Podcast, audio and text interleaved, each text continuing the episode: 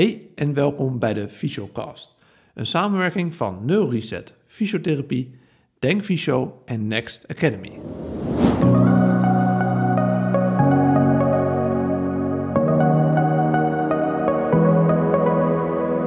Dit is de podcast voor fysiotherapeuten, kinesiotherapeuten en alle andere gezondheidsexperts in Nederland en België. Het gaat je enorm veel tips en kennis geven die je direct in de praktijk kunt toepassen. Met een kritische en nuchtere blik dagen we jou en onszelf uit om verder te denken. In deze podcast hebben we het met Jo Nijs over stress en stressmanagement bij de aanhoudende pijnklacht. Iedereen kent het begrip stress en heeft er wel eens mee te maken. Het is complex, komt veel voor en heeft veel negatieve effecten. Jo Nijs is hoogleraar aan de Vrije Universiteit van Brussel. Hij is kinestherapeut in het Universitair Ziekenhuis Brussel en gastprofessor aan de Universiteit van Gothenburg in Zweden.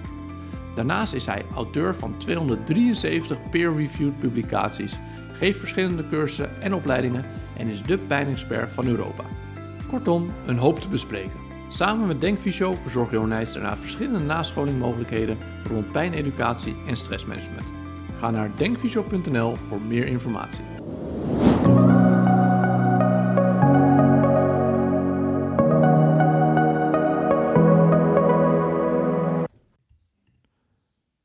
Hartelijk welkom in onze podcast. Het is een eer dat u er bent. Om maar gelijk met de eerste vraag te beginnen. Waar is voor u de interesse ontstaan voor aanhoudende pijnklachten en stress? Ja, op zich weet ik niet of dat ik echt zo mij gespecialiseerd heb op die, die stress en die stressmanagement. Dat is wel een deel van het verhaal, maar dat komt natuurlijk omdat we uh, een bijzonder interesse hebben in de, de aanhoudende pijnproblematiek, bij musculoskeletale pijn, maar ook bij pijn, uh, bij, ook bij kankeroverlevers bijvoorbeeld. Mm ja, en dan kom je natuurlijk al snel uit tot de, de cruciale rol van stress in zijn heel brede, maar ook in zijn heel enge betekenis. En dan zie je dat je daar toch enorme eh, winsten kan boeken bij, op individueel niveau bij patiënten, eh, maar ook op groepsniveau, zoals dat in, in Charles al is aangetoond. Als je daar die stressbestendigheid van die patiënten kunt verbeteren. En dat is ook echt toch wel een uh, heel mooie uitdaging voor ons als fysiotherapeut, omdat dat dan ook blijkt dat ja, de, de, de medische wereld met medicamenteuze aanpak of chirurgische uh, interventies bijvoorbeeld daar helemaal niets aan kan doen eigenlijk. Mm hè. Dus dat alle pogingen die daarom uh, tot nu toe gebeurd zijn, dat die eigenlijk allemaal op uh, vrij, vrij, vrij weinig of niets zijn uitgedraaid. Dus dat is echt wel heel mooi, omdat wij dat vanuit conservatieve hoek kunnen, kunnen gaan bespelen en daar mooie resultaten mee boeken. Ja, dus die interesse is eigenlijk ook heel erg voortvloeid omdat u heel erg met deze patiëntengroep bezig was. En dit gewoon een heel essentieel onderdeel daarin is. Ja, absoluut. En de eerste die me daar heel bewust van heeft gemaakt was destijds uh, van Oudenhoven, die, uh, die, die intussen emeritus hoogleraar is aan, aan de Katholieke Universiteit van, van Leuven. En daar rond uh, ja, echt, echt ook ons, ons prikkelde, in, enerzijds met, met zijn, zijn werk daarover, maar ook ons, ons wees op, het, ja, op dat moment, en dan spreek ik over twintig jaar geleden intussen, dan voel ik me plots toch heel oud worden als ik dat zeg um, dus op dat moment nog beginnende, groeiende en vrij nieuwe tak van de, de wetenschap, die de psychoneuroimmunologie op dat moment was. Ondertussen is dat als het ware bijna een, eh, een vaste waarde geworden binnen de wetenschap. Hè. Dus het bestuderen van de interacties tussen eh, de psyche, het immuunsysteem en ons zenuwstelsel. En wordt dat eigenlijk als, als vrij normaal beschouwd dat we dat, daar die interacties zien. Maar op dat moment was dat nog vrij revolutionair. Ja, en uh, want u doet zelf nu ook veel onderzoek, hè? want ik zag ook dat u enorm veel publicaties op uw naam heeft staan. Wat zijn onderzoeken waar u nu uh, mee bezig bent? Hoewel in relatie met deze topic bijvoorbeeld hebben we uh, recente dataverzameling afgerond van een, een, een, grote studie die we samen met de collega's van de Universiteit Gent hebben gedaan, waarbij we uh, zijn gaan kijken uh, of ook ja, die stressmanagement een geïntegreerd onderdeel kan zijn van de fysiotherapeutische zorg voor mensen met aanhoudende pijn en andere klachten na een, een whiplash-ongeval. Mm we hebben de resultaten daarvan nog niet, voor alle duidelijkheid, dus ik kan u die jammer genoeg niet als primeur hier hier, hier meegeven, maar we hopen die wel spoedig te hebben, want daar is dus de, ook de één jaar follow-up van, van afgelopen. Wat ik wel kan zeggen is, ja, de behandeling die we daar hebben, hebben getest bijvoorbeeld, is um, waarbij we um, een combinatie doen van pijneducatie, stressmanagement en cognitiegerichte oefentherapie. dus dat is de experimentele behandeling die de, de, de groep die zogezegd dan in ons hoge geluk heeft gehad dat ze gerandomiseerd zijn in die uh, experimentele behandelgroep, mm hebben gekregen. En alvast ja, op basis van de feedback van de therapeuten bleek dat een heel mooie mix te zijn. En dat is ook mijn eigen ervaring, dat dat een heel goede mix is voor deze patiënten, maar evengoed ook voor mensen die nog altijd klachten hebben, ondanks dat ze kanker overleefd hebben. Mensen met heel uiteenlopende musculoskeletale pijnklachten, waarbij stress echt heel sterk op de voorgrond speelt, hebben echt, uh, uh, kunnen echt baat hebben van die combinatie van pijneducatie met oefentherapie, met uh, stressmanagement. En dikwijls ook dan natuurlijk het slaapaspect. Hè? want natuurlijk, als mensen een probleem hebben met stressintolerantie, dan zie je ook vaak dat er slaapproblemen opduiken. En stress en slaap wordt dan eigenlijk een wederzijds versterkend fenomeen.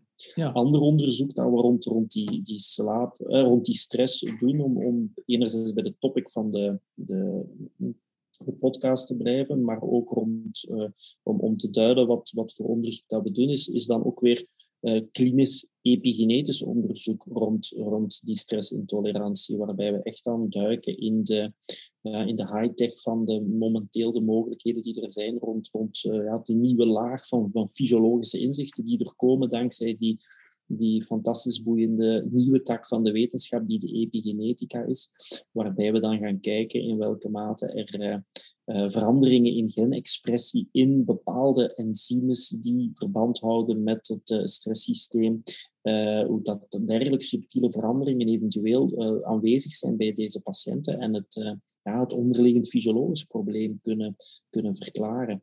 En ik wil de, de luisteraars van de podcast met, met die uh, passie van ons daar rond niet te veel gaan vervelen, want dan, gaat, dan wordt het misschien heel technisch, wat mm misschien niet goed aansluit bij wat uh, de luisteraars willen. Maar uh, het leuke daarvan is wel dat dat een heel klinische boodschap meteen, namelijk dat stress, ook als je dat gaat uitleggen aan patiënten, dat, dat het al een openbaring is voor veel patiënten als ze inzien dat, dat stress primair een een, een biologisch systeem is. In een beetje contradictorisch op hoe dat we eigenlijk hebben leren pijn uitleggen aan pijnpatiënten.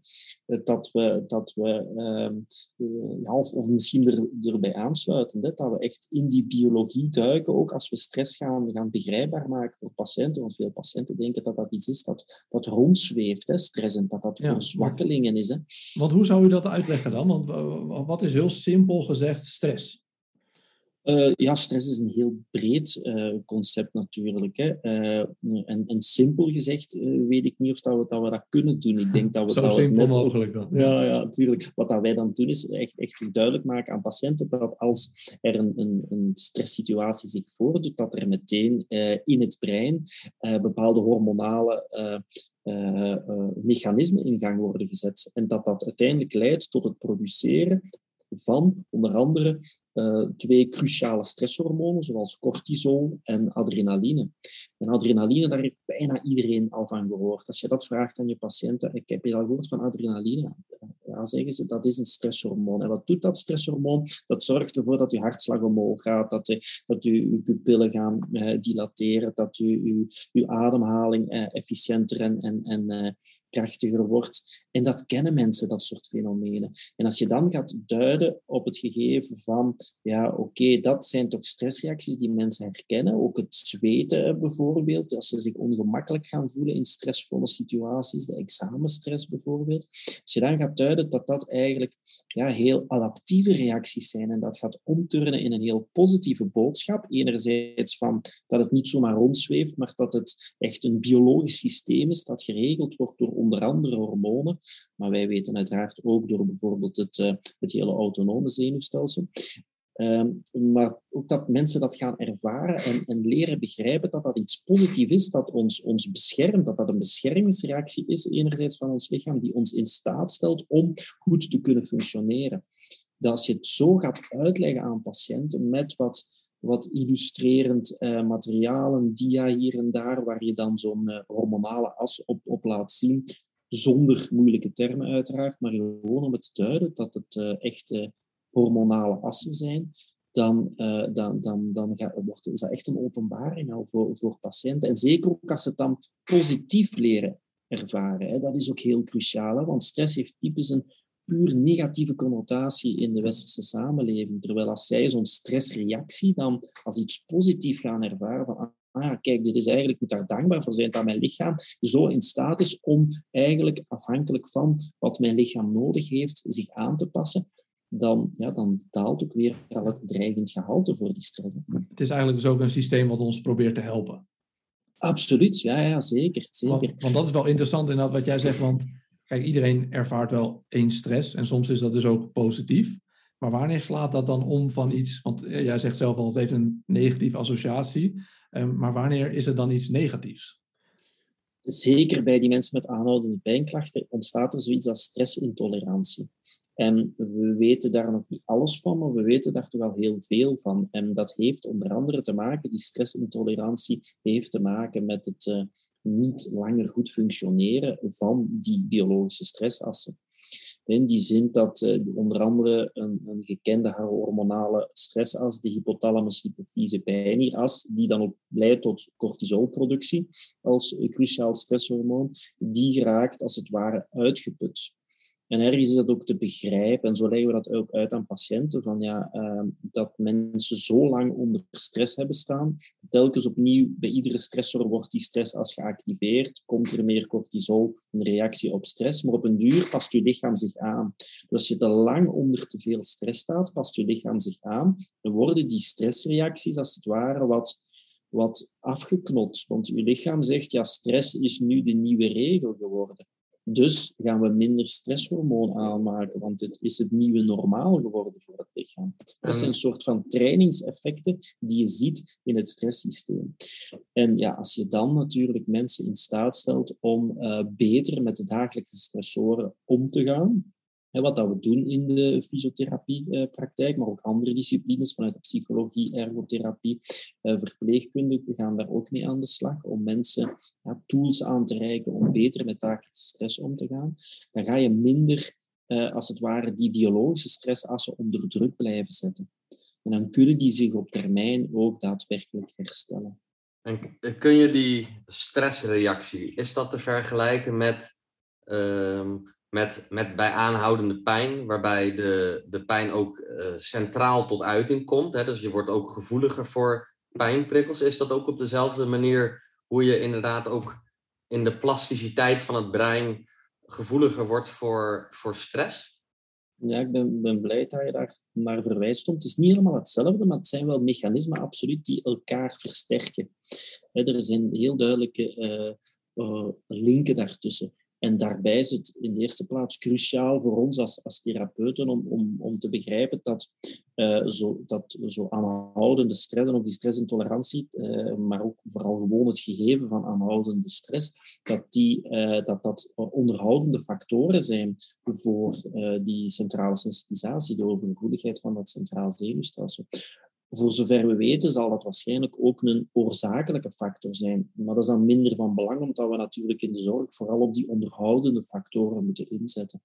En dus als we dan zien dat die stressintolerantie aanwezig is, of dat de patiënt gebukt gaat onder te grote hoeveelheden van stress, die die eigenlijk niet zomaar aan kan in het dagelijks leven, dan moeten we daar echt op ingrijpen, ook als middel om die uh, centrale sensitisatie te gaan verminderen. Ja. Want maak je daar, oh sorry, maak je daar in de praktijk dan ook onderscheid in tussen, je hebt aan de ene kant misschien iemand die um, aanhoudende stress heeft gehad en daar intoleranter voor is geworden, dus steeds gevoeliger voor wordt. Maar het kan natuurlijk ook zijn dat iemand um, normale hoeveelheden stress misschien best wel goed kan handelen, maar dat er gewoon heel veel op zijn bordje is door een ja, werksituatie of vanuit een relatie. Dus Um, uh, ja, maak je daar dan ook in de praktijk onderscheid in? Als er zeg maar ook echt oorzakelijke externe factoren zijn die stressvol zijn? Ja, op zich is het altijd heel individueel aangepast, maar in beide situaties zal op zich de aanpak ongeveer het, hetzelfde zijn. Alleen de uitvoering en de keuzes die de patiënt daarin maakt, zullen wel heel anders zijn natuurlijk. Hè. Als wij nog in een situatie zitten waarbij de stresstolerantie min of meer nog van de patiënt nog min of meer in staat blijkt te zijn om de dagelijkse stress eigenlijk eh, eh aan te kunnen, uh, ja, in die situatie zal de patiënt andere keuzes maken dan wanneer hij ondertussen al helemaal gecrashed is en beseft heeft dat het zo, zo niet verder kan. Hè. Maar wat dat we er zelf aan, aan, aan patiënt rond aanreiken, is eigenlijk het, het, blijft hetzelfde. Want ja, je gaat altijd een hele reeks zaken aanbieden aan de patiënt, waarbij die kan dan met die zaken zijn stresstolerantie verbeteren en eventueel ook dat je houdt ook in soms ook stressoren in het dagelijks leven gaan veranderen of elimineren om de totale load aan stress natuurlijk te reduceren. Ehm, maar dat, dat houdt weer individueel uh, bepaalde keuzes uh, in natuurlijk van de patiënt. En die kunnen wij als therapeut ook nooit maken. Die mogen we ook niet maken. En dat blijkt ook dan weer uit, het, uh, uit, uit, uit de kennis rond gedragsverandering, dat we vooral ook die keuze helemaal bij de patiënt daar moeten laten. Oké, en als ik nog één stapje terug wil doen, want u had het net over hè, dat een positieve stressreactie eigenlijk naar een negatieve stressreactie gaat leiden en dat dat vooral door tijd komt. Maar kunt u dat iets meer definiëren? Zit daar een bepaald tijdsbestek aan of is dat per individu verschillend? En... Ja, dat is enorm. Ja, dat, is, dat is enorm verschillend van persoon tot persoon. En dat zijn eigenlijk geen vaste tijdsmomenten uh, op, op te kleven. En uh, in die optiek is het ook zo dat aanhoudende stress uh, is, is natuurlijk ook heel, heel gevarieerd, ook al van persoon tot persoon, in die zin van dat uh, dat kan een, een aanhoudend conflict in de thuissituatie of werksituatie of, of familie zijn of wat dan ook, wat, wat maanden, jaren aansleept. Dat is een, een voorbeeld van aanhoudende stress stress. Uh, maar dat kan ook zijn uh, iemand die hier wat verderop, hè, want ik zit hier nu in, in Brussel, in de gebouwen van de Vrije Universiteit Brussel. Uh, en dat is niet zo heel ver van de luchthaven van Zaventem. mensen die aanwezig waren toen in de aanslagen in de luchthaven van, van Zaventem, zonder dat die zelf fysiek daardoor gekwetst zijn geraakt, maar gewoon daar aanwezig waren toen op het moment van die aanslagen, ja, die hebben die dag zo'n gigantische hoeveelheid van stress ervaren, ook al was dat maar één dag, dat dat ook eigenlijk vaak al voldoende is om, ja, niet bij iedereen, maar bij een deel van de mensen die dat mee hebben gemaakt, een, een gigantisch, uh, een, een, verandering teweeg te brengen en eigenlijk zo'n zo'n stresssysteem, als het ware, kan doen, doen, doen tiltslagen, is veel gezegd, maar toch uh, leiden tot een, een verandering in die stressresponssystemen, waardoor die stresstolerantie daarna een heel pak minder wordt. Dus het kan ook een piekmoment zijn van gigantisch veel stress dat het bepaalt. Maar hoe dat iemand reageert is enorm uh, verschillend. En uh, in dat opzicht is ook weer het epigenetisch onderzoek daarna wel heel, heel boeiend om, om te zien of dat we in de toekomst die mensen kunnen op die manier ook epigenetisch als het ware identificeren. Ja, nou, je, zijn er ook aanwijzingen dus inderdaad dat, je dus, dat het ook inderdaad genetisch misschien zichtbaar wordt of je een bepaalde gevoeligheid hebt voor uh, het ontwikkelen van uh, ja, stressintolerantie. Als, hè, want want inderdaad, twee mensen kunnen allebei uh, een, dezelfde hoeveelheid dingen in hun leven hebben die aan de gang zijn. Maar bij de een leidt dat tot overbelasting en bij de ander die kan daar misschien beter mee omgaan. Ja. Is, is daar genetisch zijn er aanwijzingen dus voor? Ja, maar dat is het mooie net eigenlijk ook van de epigenetica, ook voor ons vakgebied. Hè, want dat lijkt heel ver en dat lijkt dan weer puur zich in de geneeskunde te situeren. Maar uh, het mooie van, van de epigenetica is dat die eigenlijk momenteel dan uh, een beetje komt uh, bovenop het genetisch onderzoek. En als je terugkijkt, 20, 30 jaar geleden, dan waren er voorspellingen, ah, de genetica gaat heel veel gezond, problemen in de gezondheidszorg gewoon oplossen, helemaal verklaren. En dat is eigenlijk helemaal niet uitgekomen. Er zijn natuurlijk een aantal aandoeningen die, uh, die inderdaad genetisch dan verklaard zijn kunnen worden en die men dan ook via, uh, uh, via therapieën heeft kunnen verder ehm, ja, uit de wereld helpen is een groot woord, maar toch verder kunnen, kunnen aanpakken. Maar bij heel veel problemen is dat niet het geval. En dan is er de, het onderzoek naar de epigenetica gekomen, wat dus niks te maken heeft met, het, uh, met veranderingen uh, in, in, in, het, in, in, in het in de kern erfelijk materiaal dat wij van onze, uh, van onze ouders hebben gekregen, maar, maar heeft wel te maken met veranderingen die er tijdens het leven onder invloed van welke leefomstandigheden we hebben, welke leefstijl we aannemen, waar, welke lucht dat we inademen, welke voeding wij in ons lichaam uh, proppen, die zorgen ook voor heel kleine, subtiele veranderingen uh, uh, op het DNA, epigenetische veranderingen zijn dat dan, die bepalen in welke mate welke genen tot uiting komen.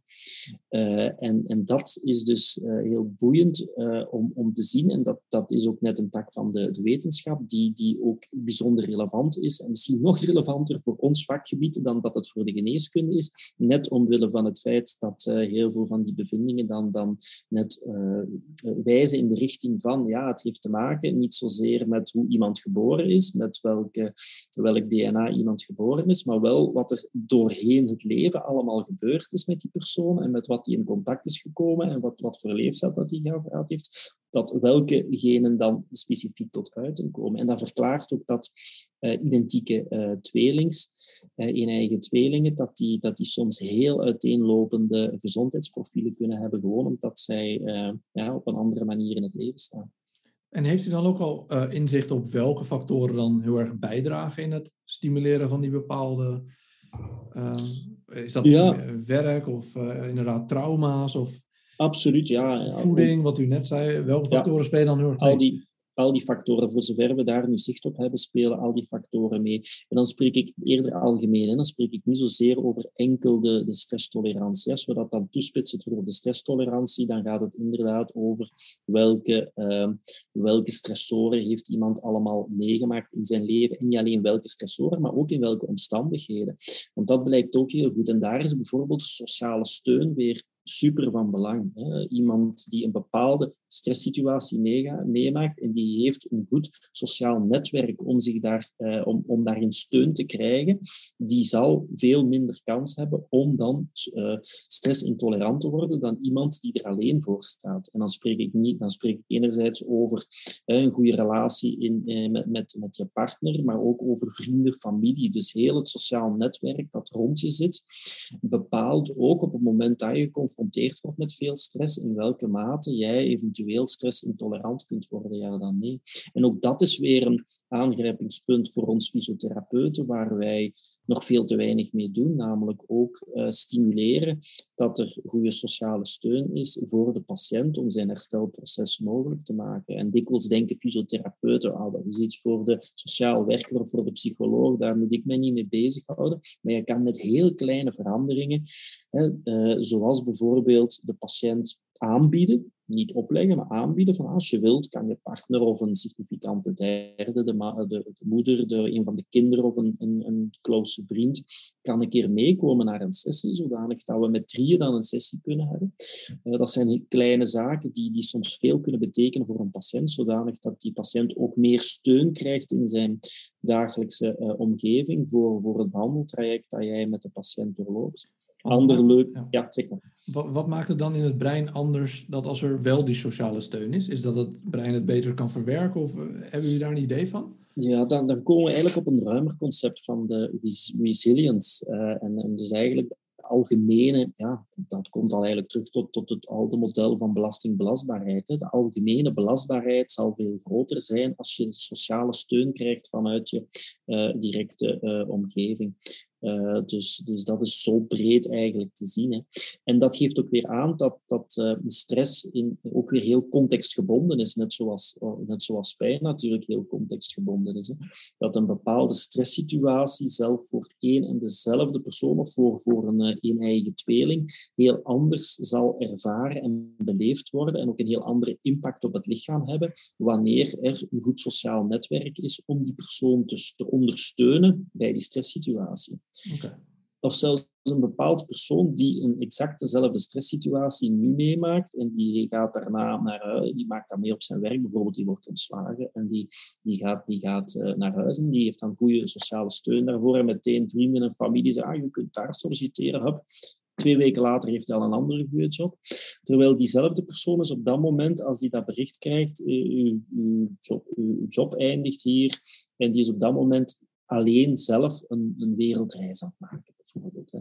Fictief voorbeeld. Terwijl die op dat moment dus niet meteen die, die eerste week, want het duurt nog een week voordat hij terug thuis kan zijn om dat allemaal te verwerken en daarvoor steun kan krijgen, ja, dan heeft hij op dat moment niet dat sociaal netwerk rond zich. Dus ook het moment dan van waarop dat optreedt kan dan al bepalen en dan zie je hoe contextspecifiek het is. Hè.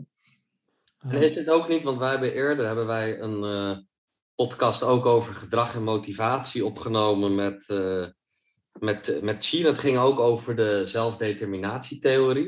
En dat gaat heel erg uit van psychologische basisbehoeftes. En wanneer hè, van autonomie, van verbinding en competentie. En daarin kwam ook naar voren um, dat op het moment dat je inderdaad goede sociale, betekenisvolle relaties hebt, um, dat je daarmee ook um, ja, een soort van gewapend bent om um, beter eh, met stress om te kunnen gaan. Omdat je ook, um, ja, we, uh, ook evolutionair gezien het beste binnen een groep natuurlijk functioneert. En dat ook de meeste overlevingskans geeft, waardoor het je ook, um, ja, waardoor je ook gezamenlijk natuurlijk veel beter en veel bestendiger bent om met stress om te kunnen gaan. Heeft dat dan daar ook mee te maken? Absoluut. Uh, heel, heel goed verwoord en ik denk dat dat een heel belangrijk punt is. En, en dan denk ik ook dat we hier in deze podcast nu het ook heel, heel breed trekken en heel goede uh, voorbeelden geven van hoe fysiotherapeuten daar in hun eigen, uh, eigen praktijk en hun eigen zorg die ze aanbieden kunnen, kunnen daar een, een, arsenaal van mogelijkheden en inzichten die ze overbrengen aan patiënten kunnen verruimen. Maar we mogen ook niet vergeten dat ook de basis van ons beroep, de, gewoon het, geven van oefentherapie en patiënten uh, trainen en, en, en, dat soort zaken, dat dat ook natuurlijk een onderdeel is van de stressbestendigheid verbeteren. Hè. Dus, dus dat gaat ook hand in hand. Hè. En, en ook te meer daarom dat het natuurlijk ook uh, een onderdeel kan zijn en in vele situaties, zeker als het multidisciplinair is, moet zijn van fysiotherapeutische zorg voor patiënten met uh, musculoskeletale pijnklachten en ook niet musculoskeletale pijnklachten. En in de praktijk, bij uh, welke factoren ziet u het meest voorkomen bij um, patiënten? Uh, bijvoorbeeld hebben ze dan vaak over werkstress of relaties of fysieke stress. Wat, wat, ziet, wat komt daar zeg maar in de praktijk en in de wetenschap het meest naar voren? Wat zijn de meeste triggers? Uh, heel, heel gevarieerd. Uh, dus dat alles wat je genoemd hebt, komt, komt frequent voor. Zelf zit ik in de, in de tweede, derde lijn in universitair ziekenhuis. Dus ik zie heel veel patiënten die op het moment dat ze, dat ze bij mij de eerste keer komen, uh, eigenlijk niet meer gaan werken. ja, dan valt die werkstress op dat moment wel weg, maar dan moeten we natuurlijk die patiënten wel ook terug natuurlijk voorbereiden om terug te gaan werken. trouwens, op het moment dat je nog die keuze hebt met de patiënt, want dat is ook een gevaar bij stressmanagement. Als iemand uh, heel veel stress ervaart van het werk en die zegt zelf van ja, mijn, arts uh, zegt me ik wil je gerust thuis schrijven als het ware en, en adviseert eigenlijk om een tijd thuis te blijven. Nee, niet adviseren, niet in meegaan, want het blijkt voldoende uit onderzoek dat dat geen goed idee is en dat het achteraf dan heel moeilijk is om die patiënten terug te reïntegreren in, in, in hun werk en terug aan het werk te krijgen. Uh, dus het is veel beter dat je, dat je met andere zaken dan aan de slag gaat. Dus is natuurlijk het, het vermijden van de stressoren is één mogelijkheid. En keuze, de eindbeslissing daar rond blijft altijd bij de patiënt natuurlijk. Dat, dat, dat hebben we al benadrukt. Maar er zijn ook andere zaken die we moeten in rekenschap nemen. En, en weet ook natuurlijk dat van het moment dat iemand dan thuis gaat zitten, eh, bijvoorbeeld, gaat hij ook misschien beginnen zich zorgen maken, oké, over financiële aspecten, wordt hij opgeroepen terug voor, voor, door verzekeringsmaatschappijen als die te lang arbeidsongeschikt is. Dat zijn ook gigantische stressoren die de boel blijven onderhouden. Dus het is niet zo makkelijk dat we de stress even kunnen wegnemen door de werksituatie te gaan vermijden. Dat blijkt op lange termijn absoluut geen oplossing te zijn. Ja, dat heeft dan ook wel weer uh, overeenkomsten met uh, gewoon chronische pijn natuurlijk, want dan zie je natuurlijk ook dat vaak mensen in een soort neerwaartse spiraal komen. Omdat ze juist helemaal stoppen met bewegen, werk en eigenlijk daar het lichaam eigenlijk überhaupt helemaal niet meer belasten. Ehm, Absoluut. en dat is dus eigenlijk ook zo met stress. Dat heeft wel weer hele mooie overeenkomsten. Ja. Um, ja, we willen natuurlijk vandaag ook weer echt de, de hoek een beetje meenemen van de aanhoudende pijnklacht. Um, want je hoort natuurlijk ook vaak ja, dat mensen last van hun rug hebben en dat artsen dan heel snel zeggen, oh ja, dat komt door stress en uh, succes ermee, zeg maar. Maar zou u kunnen uitleggen, wat is nou exact van die langdurige stress het effect op pijn? En zorgt het nou voor pijn of is het een, versterkt het het of veroorzaakt het? Wat zou u daar eens over kunnen vertellen?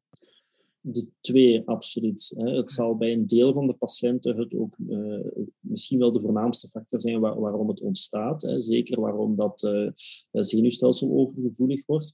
Maar ja, absoluut is vastgesteld dat het een heel sterk onderhoudende factor is. Als je kijkt naar hoe dat, dat dan werkt, zijn er allerlei uh, mechanismen die al zijn uh, daar rond blootgelegd. Uh, een van de mechanismen die, die we goed kennen is dat aanhoudende stress zorgt voor veranderingen in, in neurotransmitters in ons centraal zenuwstelsel. En dan zijn het de neurotransmitters die, zoals glutamaat, die het zenuwstelsel gevoeliger maken, die, die meer die worden gestimuleerd, die komen in grote grotere hoeveelheden in ons brein en ons ruggenmerg. En anderzijds andere neurotransmitters, zoals serotonine, uh, die een belangrijke rol spelen bij het, het de, de, de pijnstilling, de pijndemping, die worden eigenlijk onderdrukt. Dus dan zie je al dat veranderingen in de, de neurotransmitters in ons, in ons zenuwstelsel, die door stress geïnduceerd worden, die, die, die stuwen het zenuwstelsel helemaal in de richting van, uh, van overgevoeligheid, hè, van die centrale sensitisatie. Een andere factor die we daar rond kennen is, zijn bijvoorbeeld de activatie van de gliacellen. Hè. Dus de, de gliacellen worden overmatig geactiveerd, komen in een pro inflammatoire toestand terecht onder invloed van aanhoudende stress of heel korte periodes van, van majeure stress. Uh, het gevolg is dat die gliacellen te veel uh, ontstekingsmediatoren gaan produceren, waardoor het zenuwstelsel weer een, uh, een verhoging gaat kennen van zijn, van zijn ja, activiteiten, van zijn gevoeligheid. En, dat voorkomt... Is dat, is dat perifeer? Die, wat, wat voor cellen zijn dat? Gliacellen. Gliacellen zijn eigenlijk het, dat is in het centraal zenuwstelsel. Je hebt ook gliacellen in het perifeer zenuwstelsel, maar hier spreken we echt over uh, gliacellen in het ruggenmerg en ook in het brein. En dat zijn de uh, gliacellen zijn het meest voorkomende celtype in ons brein. En mensen denken altijd van ons brein zit vol met neuronen. Dat klopt deels, maar er zijn meer gliacellen, steuncellen. De, term komt eigenlijk van, van het Grieks, uh, een Griekse term of zoals ik het heb, maar in het Engels kennen we dat beter, glue. Hè. Dat is voor een deel de, glia die daarin uh, zit. Dus vroeger, als je in oude fysiologie, anatomie handboeken keek en, daar, en er stond iets over gliacellen in, dan waren steuncellen het lijm tussen, de lijm tussen de, tussen de neuronen. Het houdt de boel bij elkaar. Dat doen ze ook wel, maar dat is eigenlijk maar een, een kleine functie. De, de gliacellen hebben een, een cruciale rol in ons zenuwstelsel te spelen om de neuronen eigenlijk te, te controleren en te zeggen wat de neuronen wel en niet moeten doen. En ze spelen ook een belangrijke belangrijke rol als uh, cellen van het afweersysteem in het centraal zenuwstelsel. Dus die, die gliacellen, dat, dat, is ook iets dat eigenlijk de laatste tien jaar grotendeels tot uiting is gekomen. Het onderzoek daarnaar speelt een cruciale rol in, in het functioneren van ons zenuwstelsel. En die worden dus overmatig geactiveerd onder invloed van aanhoudende stress, waardoor ze dus uh, rare dingen beginnen doen, wat dan weer ook leidt tot uh, verhoogde zenuwstelselactiviteit.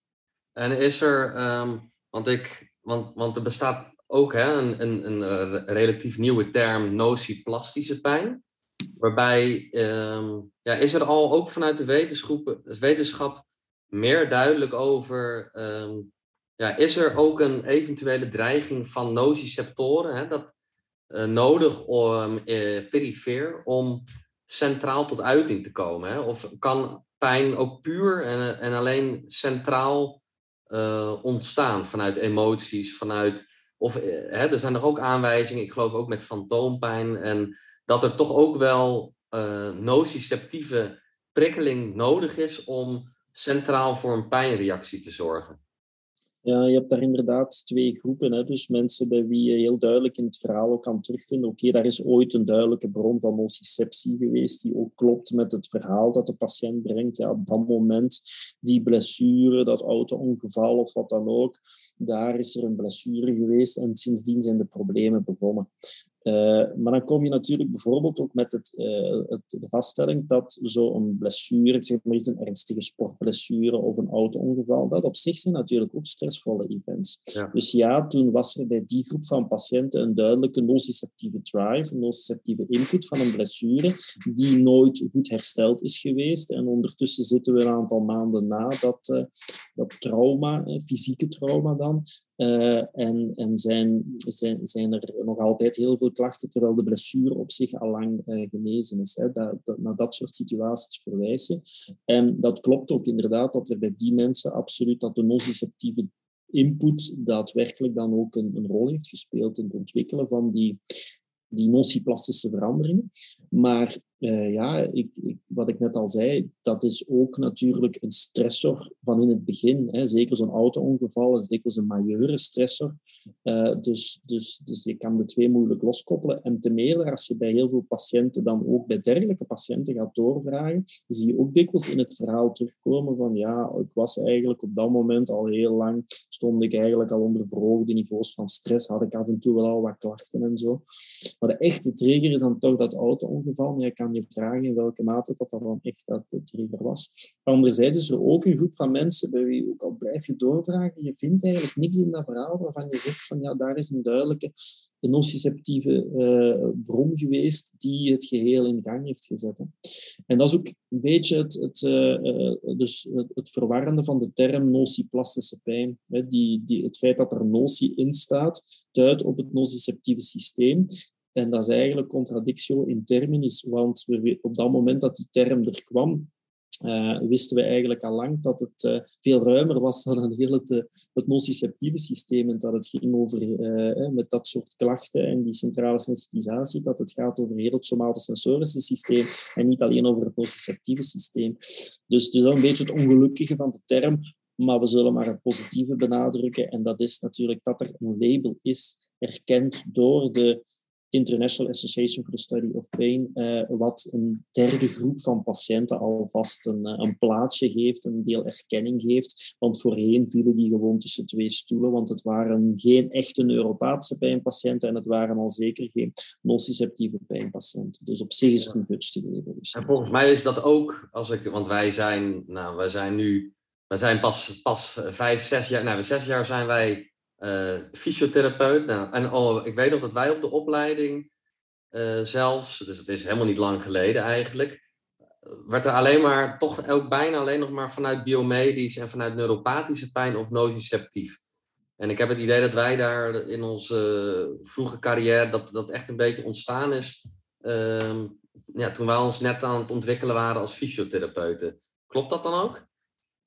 Ja, het is eigenlijk, eigenlijk toch wel, wel straf dat jullie dat, dat, zo hebben, hebben ah. meegemaakt. Ik begrijp het, hè, dat het zo is en we zijn ons daar ook van bewust. Maar het is straf. Waarom vind ik het vooral straf? Omdat uh, dat, dat ik heb hetzelfde meegemaakt, maar ik ben natuurlijk in, in, in veel eerder afgestudeerd als fysiotherapeut. Dat was in 1998 hier in Brussel. Dan ben ik rechtstreeks in de manuele therapieopleiding gestapt, hier in Brussel. En toen gaf, was uh, in de opleiding manuele therapie hier aan de VUB, was Rob Ossendorp, Nederlander van bij jullie, hier degene die de, de plak zwaaide. En die doseerde ons toen al over centrale sensitisatie en, en de brede, heel brede biopsychosociale kijk op aanhoudende pijnproblematiek op een moment dat er eigenlijk alleen nog maar dierenonderzoeken, uh, dier, dierenonderzoeken waren gepubliceerd die dat, uh, die dat aangaven. Dus het is, het is opvallend dat jullie dat uh, in Nederland hebben meegemaakt, terwijl, terwijl ik twintig jaar geleden al geïnspireerd ben geweest door, door jullie Nederlandse collega Rob Olsen.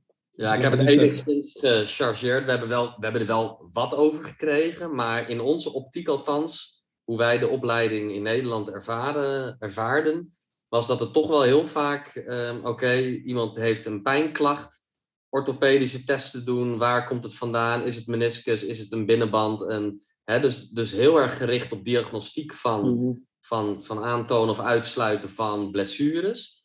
En wij hebben dit echt wel pas, denk ik, eh, durf wel te zeggen, door cursussen en nou, bijvoorbeeld bij Denkfysio, uh, door de jaren heen, daar, daar meer over geleerd. Maar op de mhm. opleiding vond ik dat dat toen nog uh, redelijk beperkt was. Ik weet niet wat jij ervan uh, zei, ja, Patrick? Ja, eens, eens, eens. We zullen maar niet zeggen welke school dat. Nee.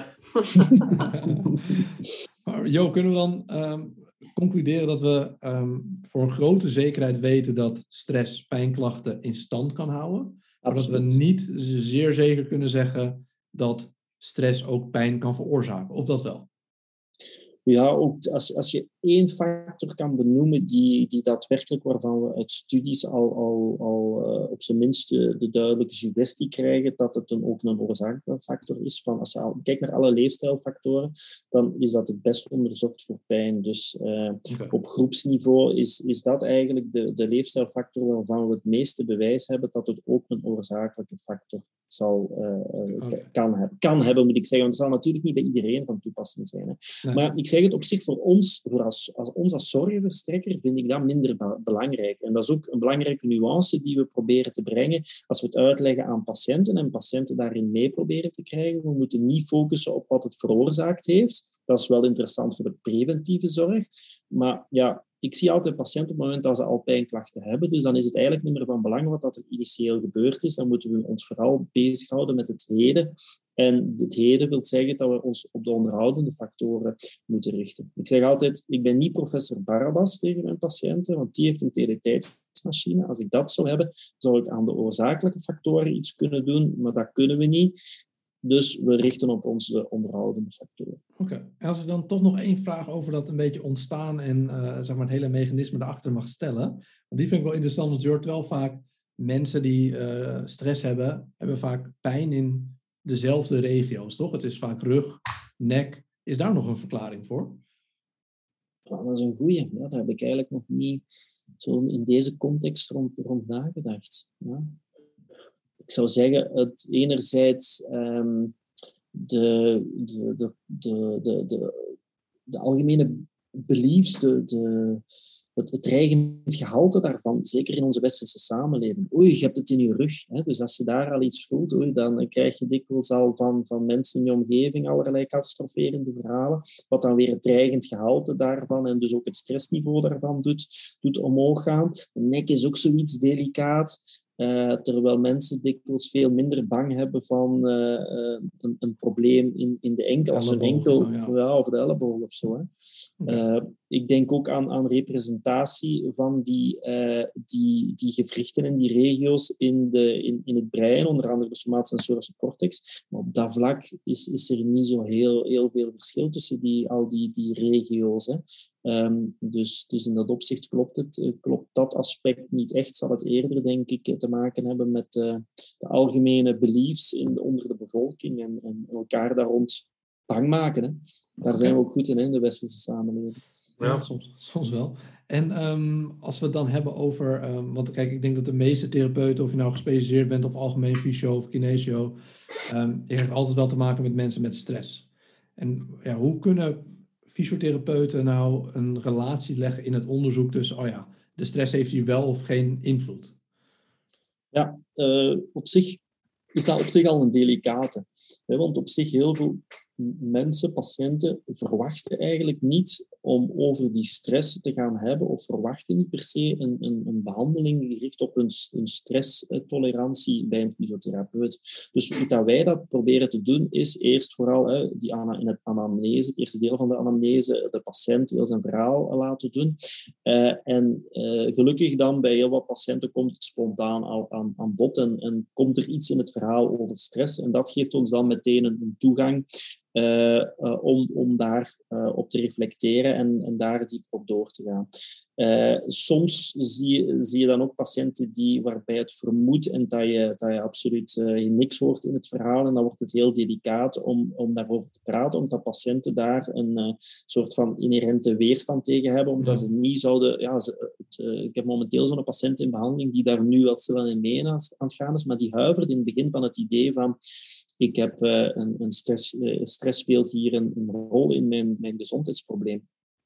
Dus, dus dat is een, een delicate. En, en ja, daar de, de, percepties van de patiënt rond dan uitvragen, als je het al vermoedt, is daar ook wel een, eh, een, een, kan een breekijzer zijn. Hè? Als je daar ook uh, de patiënt in herkent en, en, en, gewoon meteen ook weet van hoe dat die daarover denkt.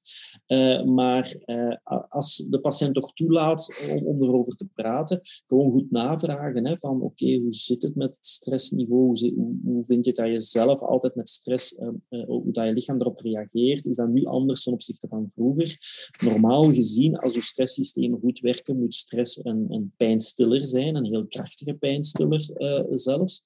Uh, en uh, dus als patiënten dan ervaren dat door stresssituaties ze meteen verslechtering krijgen van hun gezondheidstoestand, dus meer pijn, meer vermoeid, ja, dan, dan heb je eigenlijk al daar op zich bewijs bij de patiënt zelf dat er daar uh, niet goed functioneren is van een stressresponssysteem. Hè.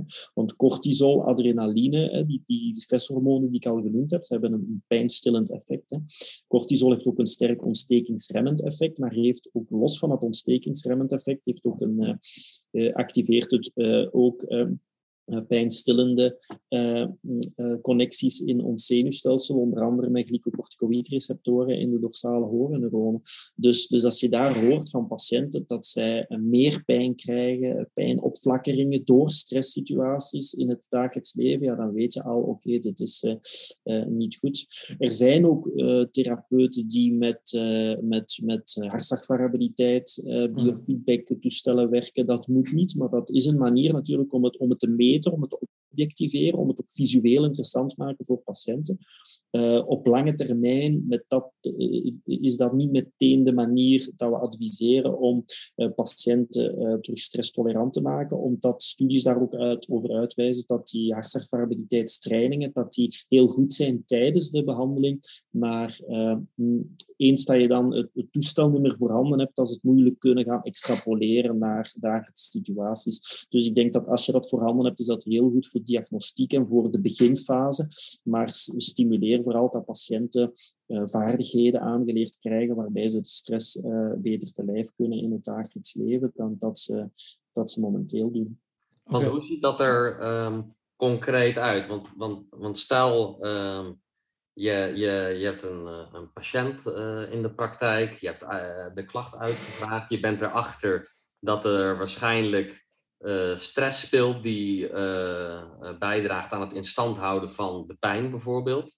Um, nou, middels pijneducatie en inzichtelijk maken heb je de patiënt uh, daarin meegenomen, die begrijpt dat. En wat zijn vervolgens concrete tips of vervolgstappen hoe je die stress dan aanpakt? Want ik merk vaak dat ik, ik kan benoemen hè, hoe het pijnmechanisme werkt. Ik kan benoemen, er zijn ehm, stressoren die van invloed zijn op het instand houden van de pijn.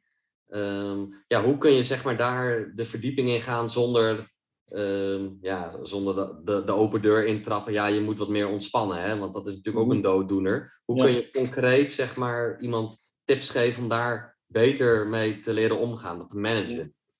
Ja, in de eerste plaats de patiënten meekrijgen. Dus in dat pijneducatieverhaal ook de vraag stellen als de patiënt begint te begrijpen, oké, het heeft hier bijvoorbeeld te maken met een overgevoelig uh, zenuwstelsel, dat je dat meteen ook de hoop creëert door de vraag te stellen, oké, hoe denk je dan dat we dat uh, zenuwstelsel kunnen terug kalmeren?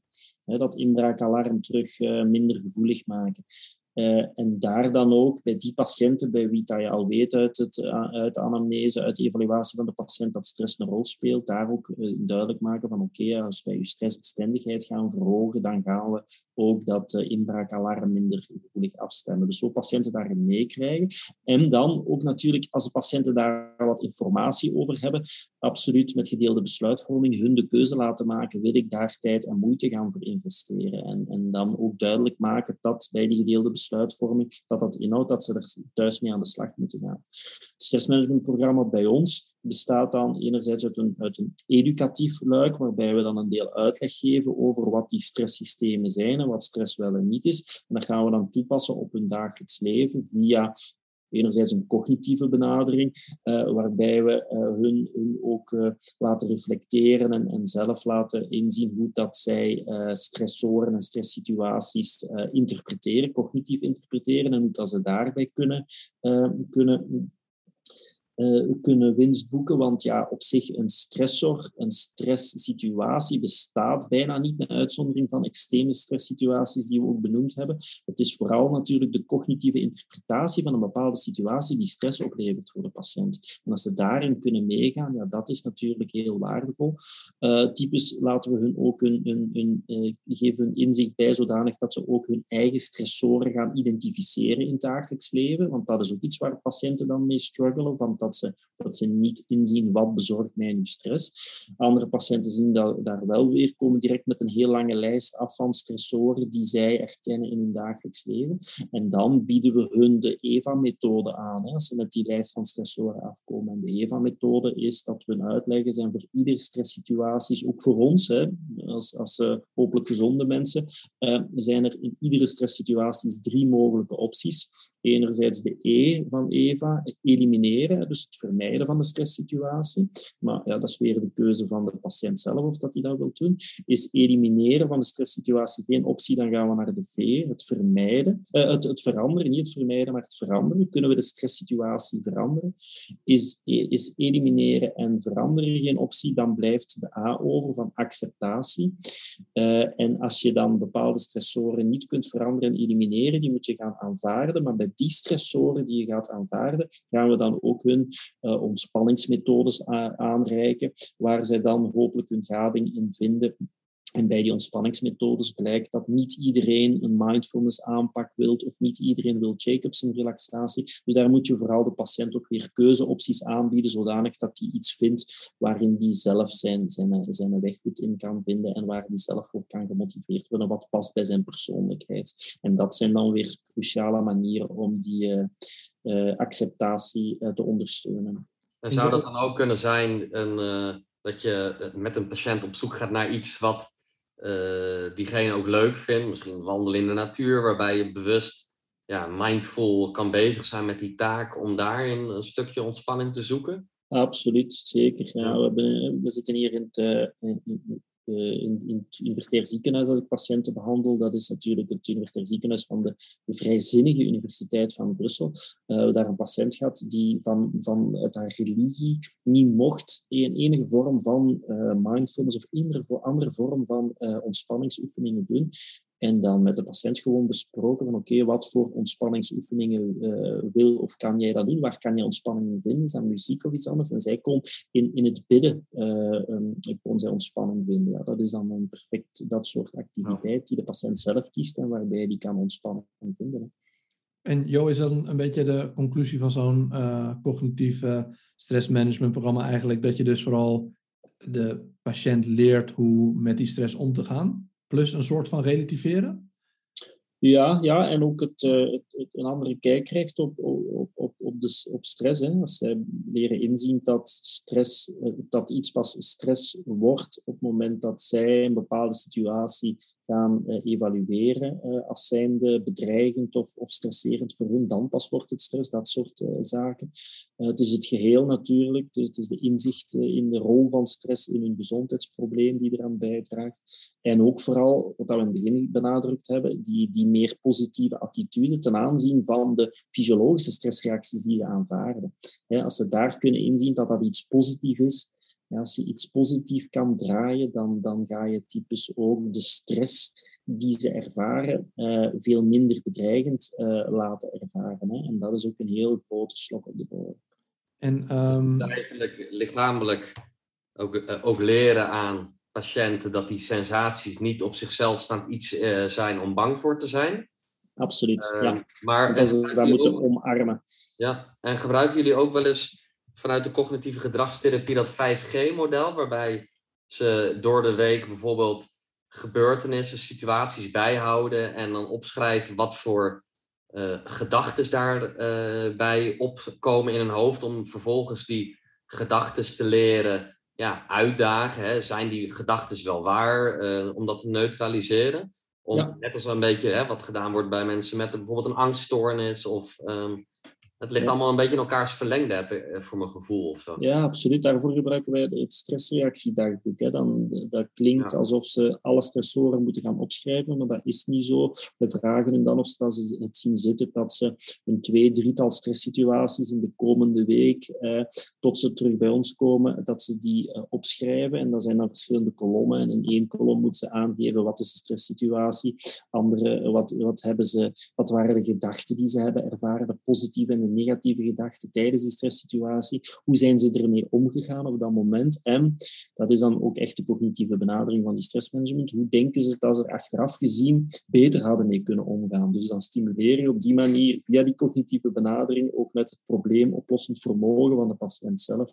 En dan, dan zie je dat patiënt, als ze daarmee aan de slag gaan, dat ze, dat ze zelf wel oplossingen kunnen, kunnen aanreiken en daar heel inventief in zijn. En dat is veel krachtiger dan dat wij oplossingen aanreiken. En, en is er dan ook wetenschappelijk bewijs voor zeg maar, dit soort programma's dat het werkt? Want zijn natuurlijk, ja, mensen moeten het überhaupt doen natuurlijk, dat is stap één. Um, maar zijn er wetenschappelijke studies van beschikbaar?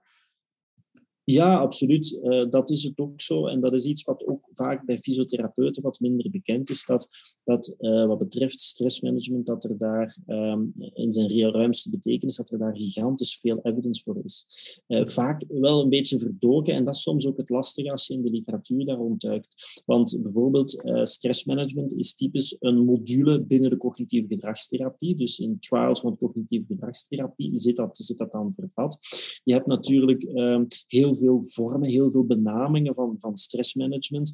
Uh, je hebt mindfulness therapie, je hebt Jacobson relaxatie, Soels relaxatie, noem maar op. Dus al die relaxatiemethodes, uh, ja, dat heeft allemaal te maken. Yoga, je kan het zo gek niet bedenken, zijn allemaal aspecten van stressmanagement. Dus het is soms wat, wat, wat grasduinen in de literatuur, maar als je daar wat basiskennis van hebt, van hoe breed dat, dat zit, dan zie je dat, uh, dat, dat er daar wel heel wat evidence voor is om dat in te zetten voor mensen met hoofdpijn, niet migraine, pijn na kanker, vermoeidheid na kanker, lage rugpijnpatiënten, noem maar op, heel breed, artrosepatiënten. Dus daar, daar zit de evidence heel stevig. Maar het is soms moeilijk die exacte vast te nemen omwille van de heel uiteenlopende vormen die daar getest worden. Ja, dat is ook moeilijk. En er is natuurlijk ook een, uh, nog, nog een, uh, een rol voor bewegen, mensen aan het bewegen krijgen, waar we het nog niet over gehad hebben. Ja, absoluut, zeker. En, en dat sluit er ook bij aan. En in dat opzicht laten wij dan ook wel patiënten de, de keuzevrijheid in die zin dat ze uh, dat, dat als ze meegaan en gemotiveerd zijn om daadwerkelijk die, die stressmanagement als een onderdeel van de multimodale behandeling te, te gebruiken, dat, ze, uh, dat, ze, dat wij dan hun ook zeggen van ja, uh, kies zelf waar je dit plaatst in de behandeling. Je hebt daar zelf de keuzevrijheid op. Wil je dit eerst gaan doen of wil je eerst met de oefentherapie starten? En als ze dan aan ons het advies vragen wat is het beste, ja, dan lijkt het ook logisch dat ze eerst wat stressbestendigheid opbouwen, vooraleer dat ze daadwerkelijk echt gaan opbouwend oefenen. want je hebt op zich wel, wel wat, ook wat stressbestendigheid nodig om, om, om goed opbouwend te kunnen gaan oefenen, te kunnen herstellen van de, de fysieke inspanning. Anderzijds, zoals je terecht aangeeft, Tom, is het uh, absoluut zo dat hoe meer fysiek actief ze zullen zijn, hoe hoger de stressbestendigheid in het algemeen. Dus de, de twee gaan hand in hand. Volgens mij vult het elkaar. Ik begreep dat jij, jij hebt niet heel lang meer, misschien nog kort uh, dat het elkaar ook. Ik heb ook die opleiding tot uh, runningtherapie gedaan. Die wordt, is opgezet in Nederland door psychiater Bram Bakker, onder andere. En dat gaat er ook in hoe kun je nou ook bewegen, ehm, ja, onderdeel maken van het pakket om met stress om te gaan. Hè? Naast dat iemand misschien hè, erover praat of misschien zelfs medicijnen nodig heeft.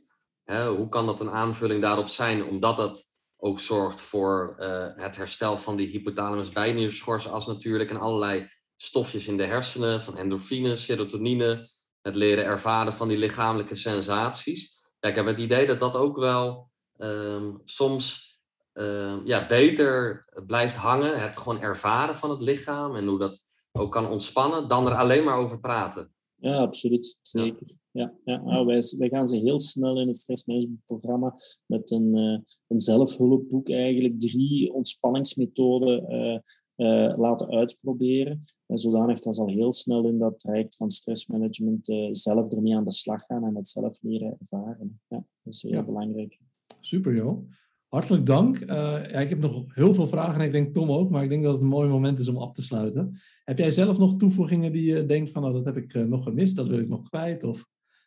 Ja, misschien een oproep aan, aan de fysiotherapeut. En zeker als je, als je bepaalde patiënten monodisciplinair behandelt, neem het zelf op en neem die handschoen daar rond op. Want wij kunnen superveel doen in zaken van verbetering van stressbestendigheid van onze patiënten.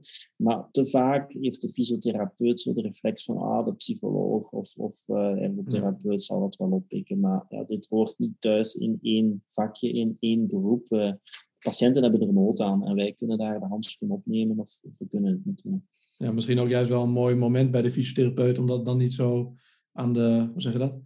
Misschien mensen niet gelijk verwachten dat het alleen maar daarover gaat, maar je het wel langzaam kunt inbrengen. Absoluut, ja, ja. zeker. Hartelijk dank dat je onze podcast weer hebt beluisterd. We hopen dat je weer veel nieuwe kennis hebt opgedaan. De Fysiocast is een samenwerking tussen NeuroReset, Denkfysio en Next Academy. In de volgende podcast gaan we het hebben met neurowetenschapper Ben van Kranenburg over herstel en revalidatie na niet aangeboren hersenletsel. Wil jij nog meer kennis opdoen en opleidingen volgen? Kijk voor het gehele aanbod op denkvisio.nl en nextacademy.be.